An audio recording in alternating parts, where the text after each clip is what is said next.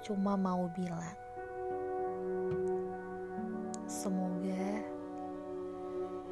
hal baik senantiasa membersamai kita.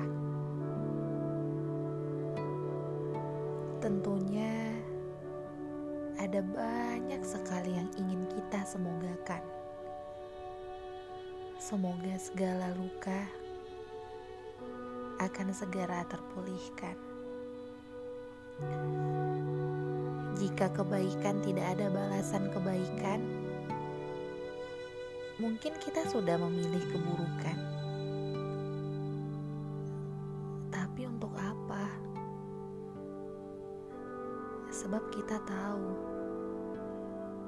bahwa jika kita menanam keburukan untuk orang lain, sesungguhnya kita sedang menanam keburukan untuk diri kita sendiri.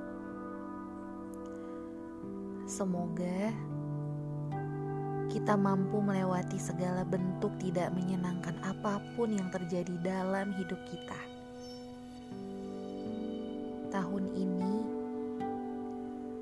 semoga hati kita lebih menerima rasa sakit dengan kebaik-baik sajaan.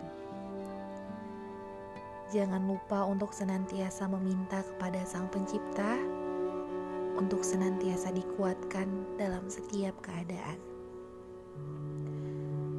Jika pulang tidak memerlukan amal, barangkali banyak dari kita yang ingin segera mengakhiri hidupnya lebih awal dari waktunya.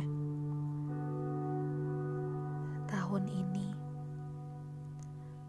doanya semoga pulih,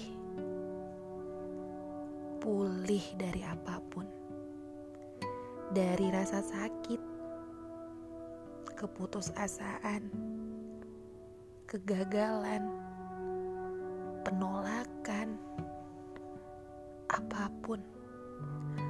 Apa pun yang membuat dada kita terasa penuh hingga rasanya sulit sekali untuk bernafas. Tahun ini Semoga kita berhenti menyalahkan keadaan, berhenti merasa jadi korban, berhenti menyakiti orang lain.